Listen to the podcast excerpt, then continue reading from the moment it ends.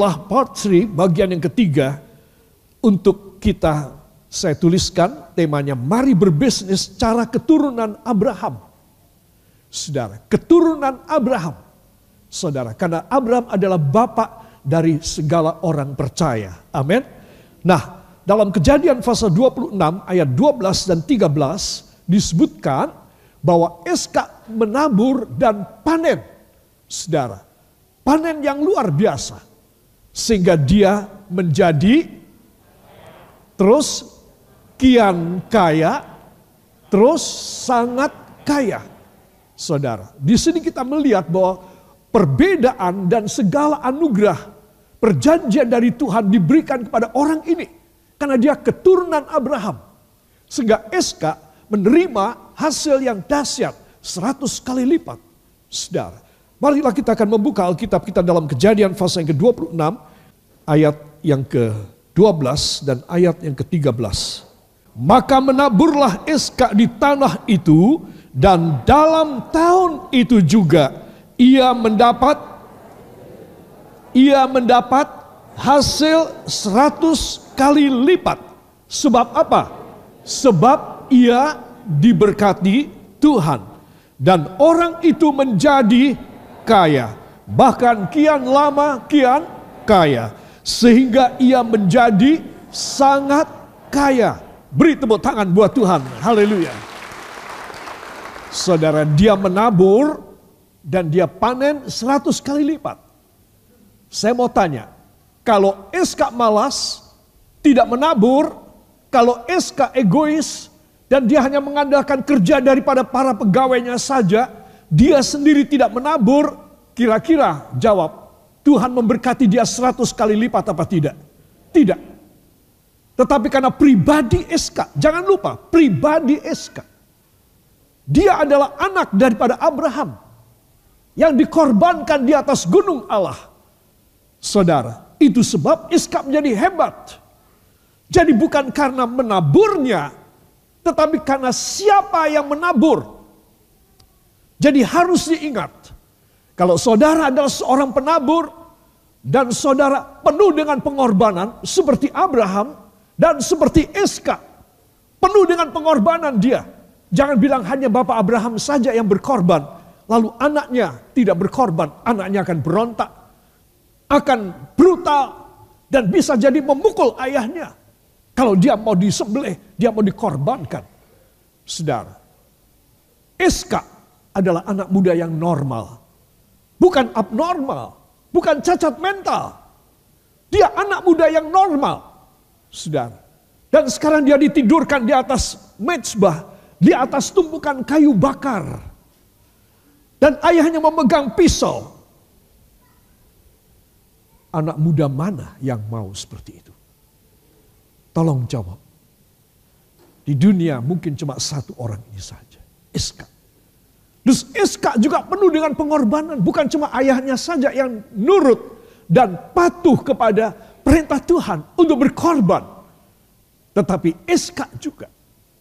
Jadi saya ulangi, bagaimana seseorang bisa menerima berkat panen seratus kali lipat yaitu jikalau dia, katakan jikalau orang itu menabur, kerja buat Tuhan, berkorban dengan hati yang penuh pengorbanan.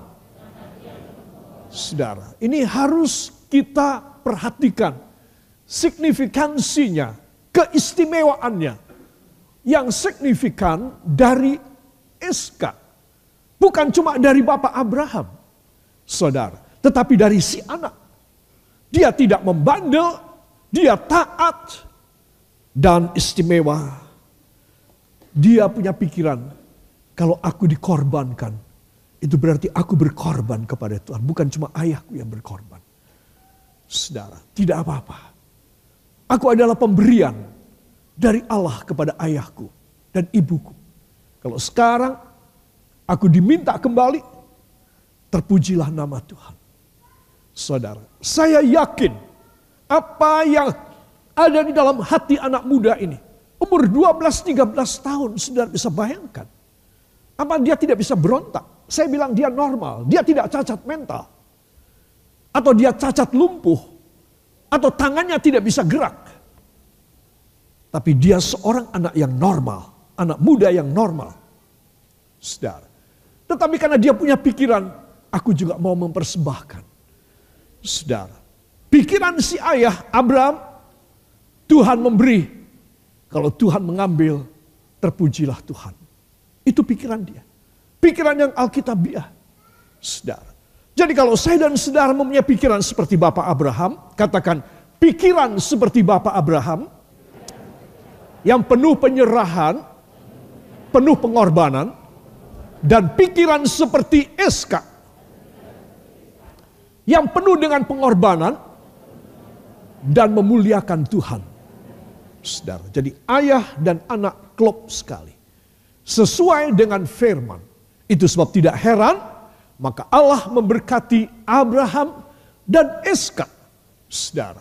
Dan itulah yang membuat kita sekarang boleh belajar bagaimana Abraham memberkati, diberkati, dan bagaimana Eska diberkati juga dengan luar biasa. Ya saudara, ini perlu saya sampaikan sebagai pendahuluan.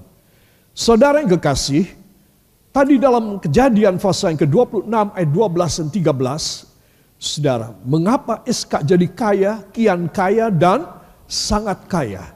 Saudara, rahasianya ada pada Abraham dan Iska dua-duanya penuh dengan pengorbanan.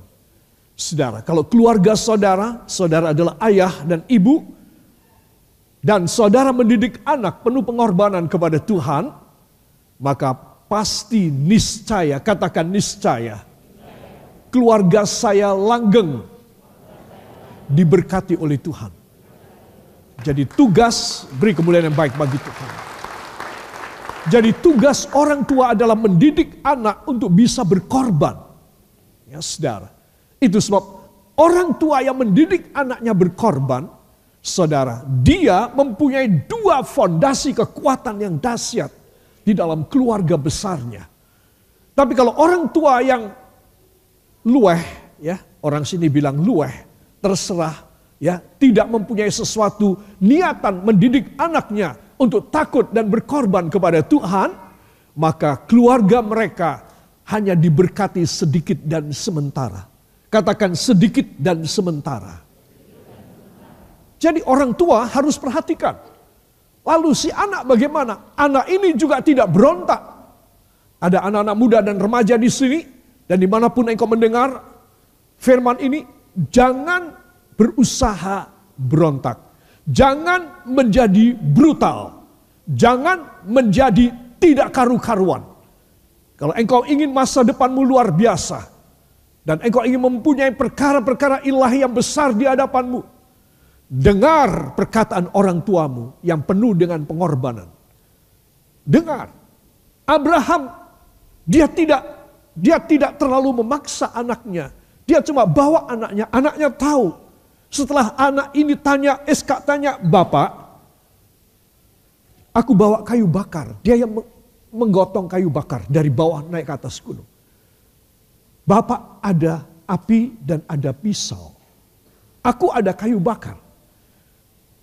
Di mana sekarang korbannya yang mau dikorbankan?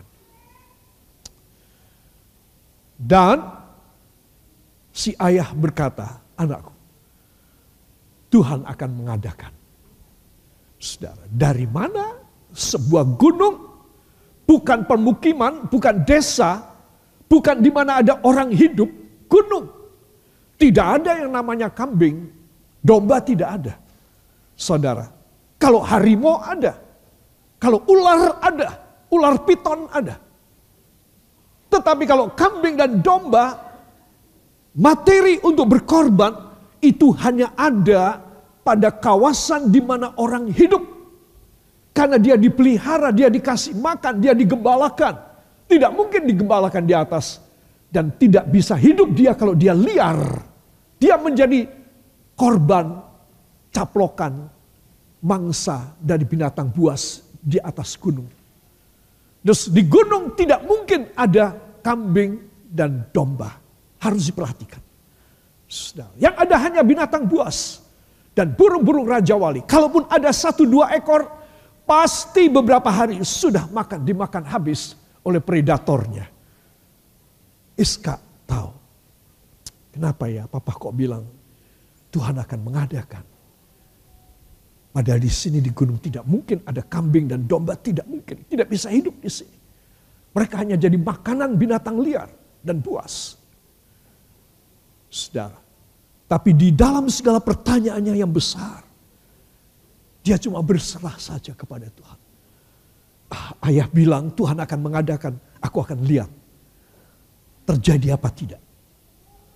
Dan dia ngikutin saja sampai ke atas. Ketika tangannya diikat, digendong oleh ayahnya dan ditidurkan di atas tumpukan kayu bakar, dia tahu bahwa dialah korbannya. Jadi kalau anak-anakku kalian mendengar firman ini. Kalian sudah ingin sesuatu dan cita-citanya begitu banyak, begitu besar, begitu tinggi. Nomor satu adalah kalian harus seperti Eska. Persembahkan hidupmu sebagai persembahan yang berbau harum dan berkenan. Kudus dan berkenan kepada Tuhan. Maka Tuhan akan menghandle dan ikut campur tangan. Dan akan turut menanggulangi segala keadaanmu di masa depan. Seperti Iska. Jadi bukan cuma orang tua yang penuh pengorbanan. Makanya saya bilang dalam satu rumah tangga, orang tua penuh pengorbanan, anak penuh pengorbanan, ini keluarga langgeng diberkati. Saudara, itu sebab perhatikan baik-baik. Rahasianya adalah Abraham dan Iska penuh jiwa pengorbanan. Ini yang bisa menjatuhkan hati Allah. Dan ketika Abram tiba waktunya untuk membunuh anaknya.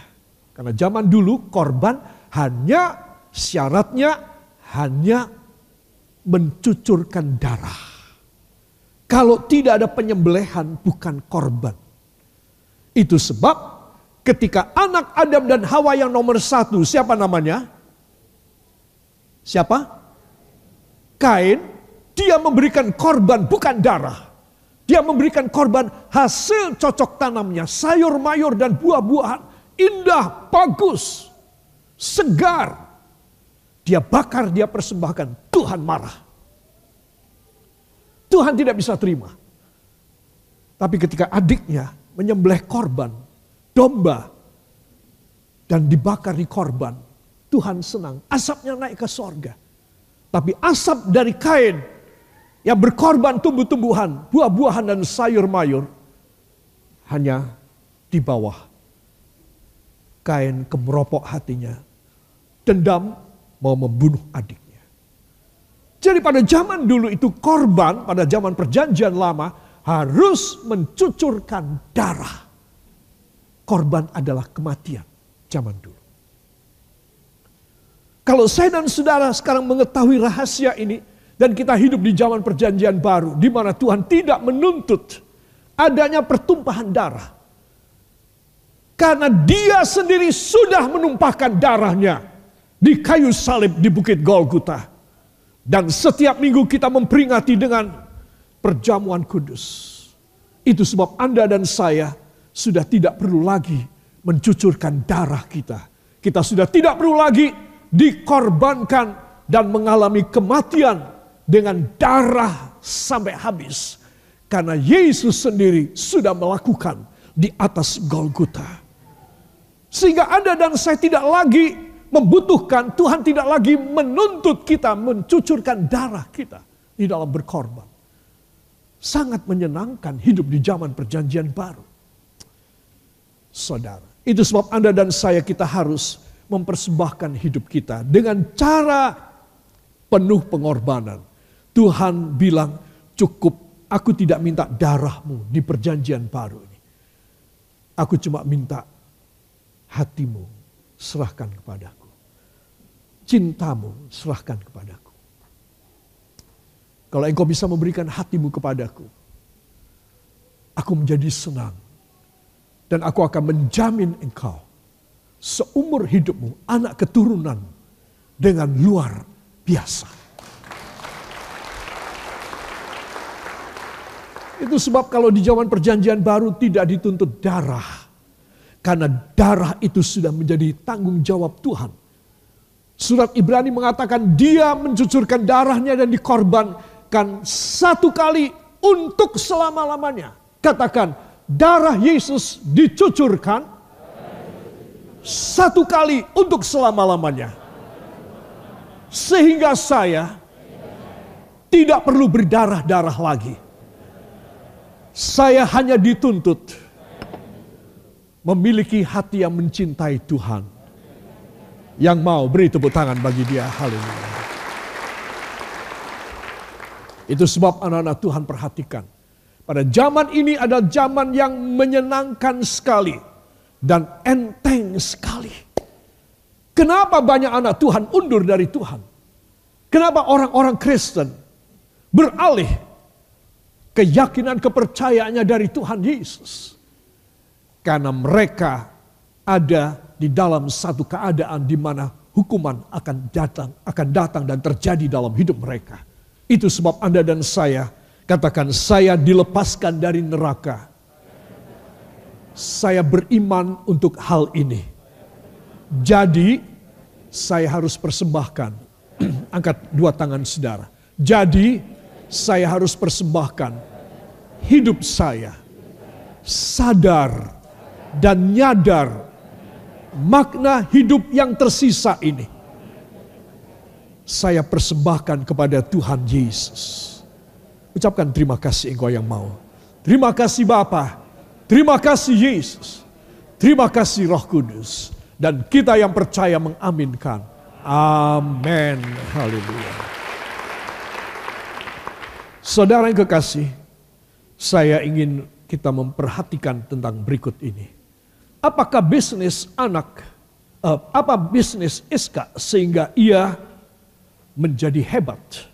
Yang pertama, ini yang sedang kita pelajari, dia adalah seorang peladang, katakan peladang. Zaman sekarang peladang ini adalah singkatan yang saya pakai jadi begitu, jadi kira-kira 46 tahun yang lalu. 46 tahun yang lalu. Saya mulai menerapkan pelayan sidang Kristus penebus itu namanya peladang, saudara. Apa sebab nanti ada latar belakang Alkitabiahnya, saudara. Kita harus membedakan dengan petani, saudara.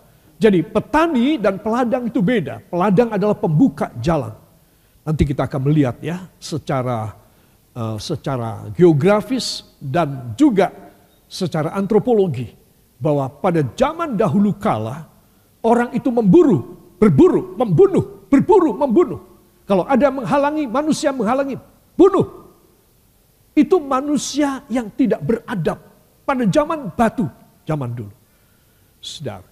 Kemudian manusia berubah. Ketika firman diturunkan dan mereka mendengar firman, mereka berubah.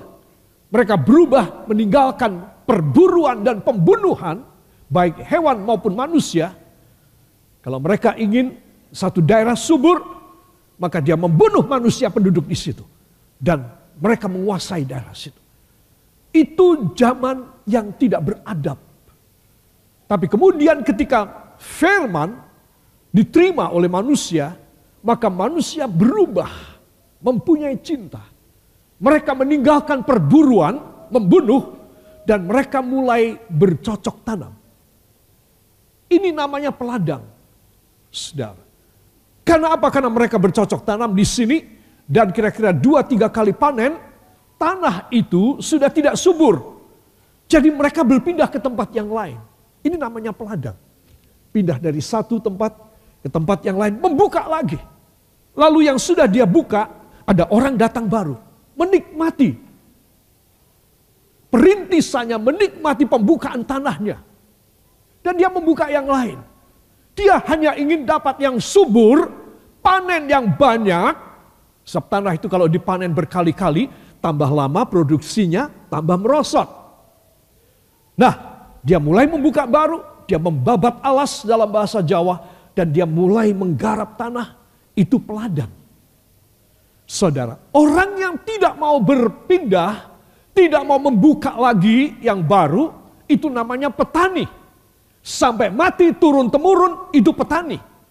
Dia tidak akan pergi ke mana-mana, dia hanya akan bercocok tanam dan mengerjakan tanah garapannya saja.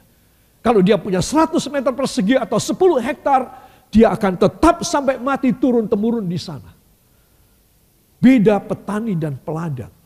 Ya, itu sebab Eska adalah seorang peladang. Dia membuka, lalu dia menghasilkan banyak, Tuhan memberkati dia.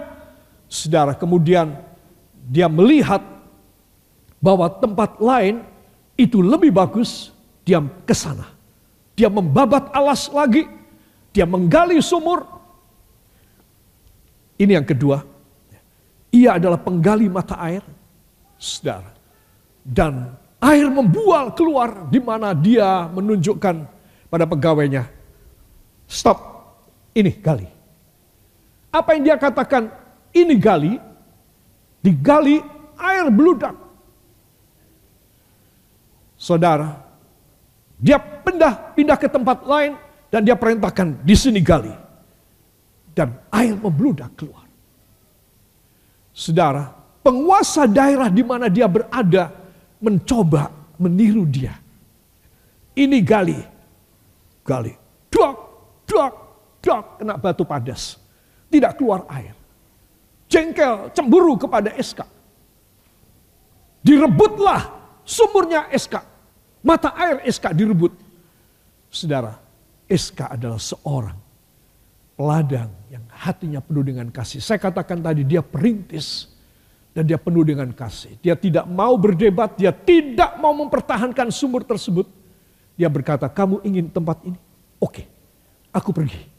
Ambil. Eska serombongan pergi, diambil oleh orang-orang setempat di sana. Mereka bilang, ini tanah kami. Oke, ambil. Eska pergi, sumurnya kering, tidak keluar air. Katakan sulapan. Bukan. Bukan sulapan. Saudara. Itu memang karena Tuhan meninggalkan sumur air. Apa yang dia gali berhasil. Tetapi begitu dia tidak ada di sana, sumur itu mati. Sampai tiga kali dia pindah. Dia tidak mau berdebat. Dia punya pegawai yang laki-laki yang bersenjata berkata, kita lawan. Sumurnya Tuhan mau diambil oleh mereka. Jangan kita yang pergi. Biar mereka ambil. Saudara, coba. Hatinya penuh dengan satu, cinta kepada Tuhan. Dua, kepada orang-orang yang kehausan dan kelaparan. Saudara. Itu sebab saya dan saudara harus tahu semua orang di dalam anugerah Allah. Katakan, bila saya di dalam anugerah Allah, tangan saudara, bila saya di dalam anugerah Allah, apa saja yang saya kerjakan berhasil. Di mana saja saya merintis, apa saja saya mulai kerjakan, hasilnya luar biasa karena berkat Abraham, Eska dan Yakob ada pada saya. Angkat dua tangan ucapkan terima kasih kepadanya. Terima kasih Bapa. Terima kasih Yesus. Terima kasih Roh Kudus. Karena engkau segala-galanya dalam hidup kami. Dan kami bersyukur kami mendapat pengajaran dan pelajaran ini. Supaya kami boleh mantap bahwa sisa umur hidup kami sukses, berhasil, dan luar biasa dalam nama Yesus dan kita yang percaya mengaminkan. Amin. Dan yang ketiga dia adalah seorang visioner. Visioner adalah seorang pelihat yang melihat rencana Allah. Dan yang ketiga ini mengarah pada kedatangan Yesus yang ke, yang kedua kalinya. Maka itu luar biasa. Katakan luar biasa. Beri tepuk tangan bagi Tuhan. Saudara yang kekasih kita akan membuka sekali lagi dalam Yeremia pasal yang keempat. Ayat yang ketiga. Sebab beginilah firman Tuhan kepada orang Yehuda dan kepada penduduk Yerusalem, bukalah bagimu tanah baru dan janganlah menabur di tempat duri tumbuh. Amin. Saudara yang kekasih, bukalah bagimu tanah baru. Saudara. Dan kemudian jangan menabur di tempat duri tumbuh.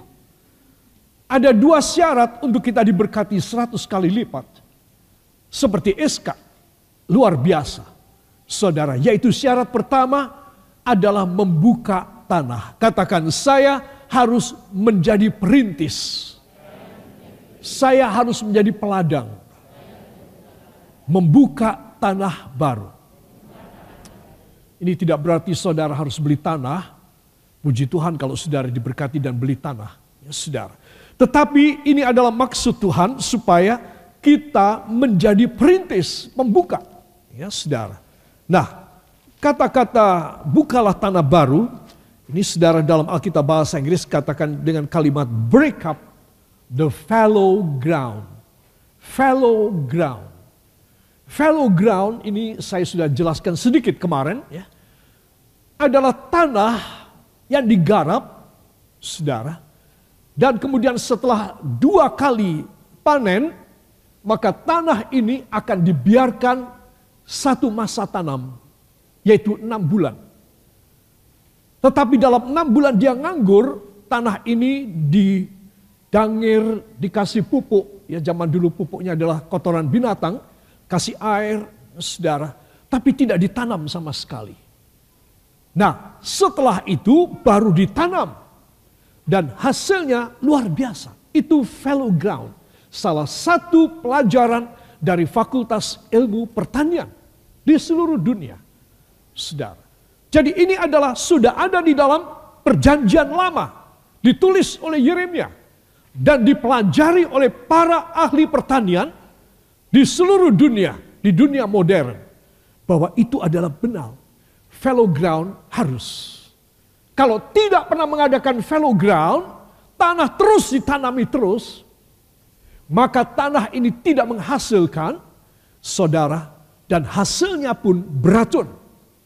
Nah, jadi fellow ground ini adalah ajaran Alkitab. Ya, saudara.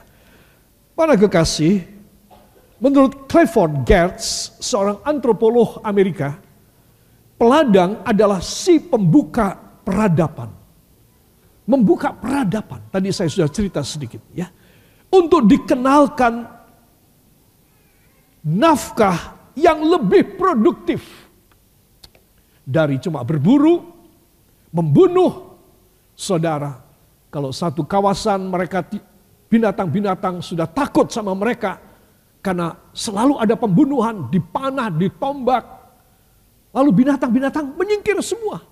Tidak berani dekat. Jadi mereka kelabakan tidak ada makanan. Itu peradaban yang jahat. Yang tidak beradab pada waktu dulu. Saudara, itu sebab peladang beda. Peladang ini menghindarkan diri daripada menumpahkan darah. Saudara, dan membuka peradaban untuk mendapatkan nafkah yang lebih produktif, lebih melimpah dengan alat yang sederhana. Saudara, mereka cuma membelah batu menjadi tajam dan mereka memberi gagang dengan kayu dan itu menjadi kapak mereka untuk bekerja. Alat yang sederhana. Saudara, peladang-peladang dari rumah Tuhan juga harus dengan apa adanya kita. Katakan dengan apa adanya saya. Saya tetap bisa bekerja buat Tuhan tetap bisa membuka, merintis, dan memberikan sesuatu kepada jiwa-jiwa, sehingga mereka bisa berjumpa dengan Kristus. Hidup berubah karena saya yang mau beri tepuk tangan bagi Tuhan. Haleluya.